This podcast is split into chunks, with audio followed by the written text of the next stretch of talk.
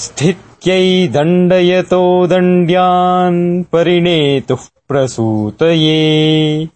अप्यर्थकामौ तस्यास्ताम् धर्म एव मनीषिणः।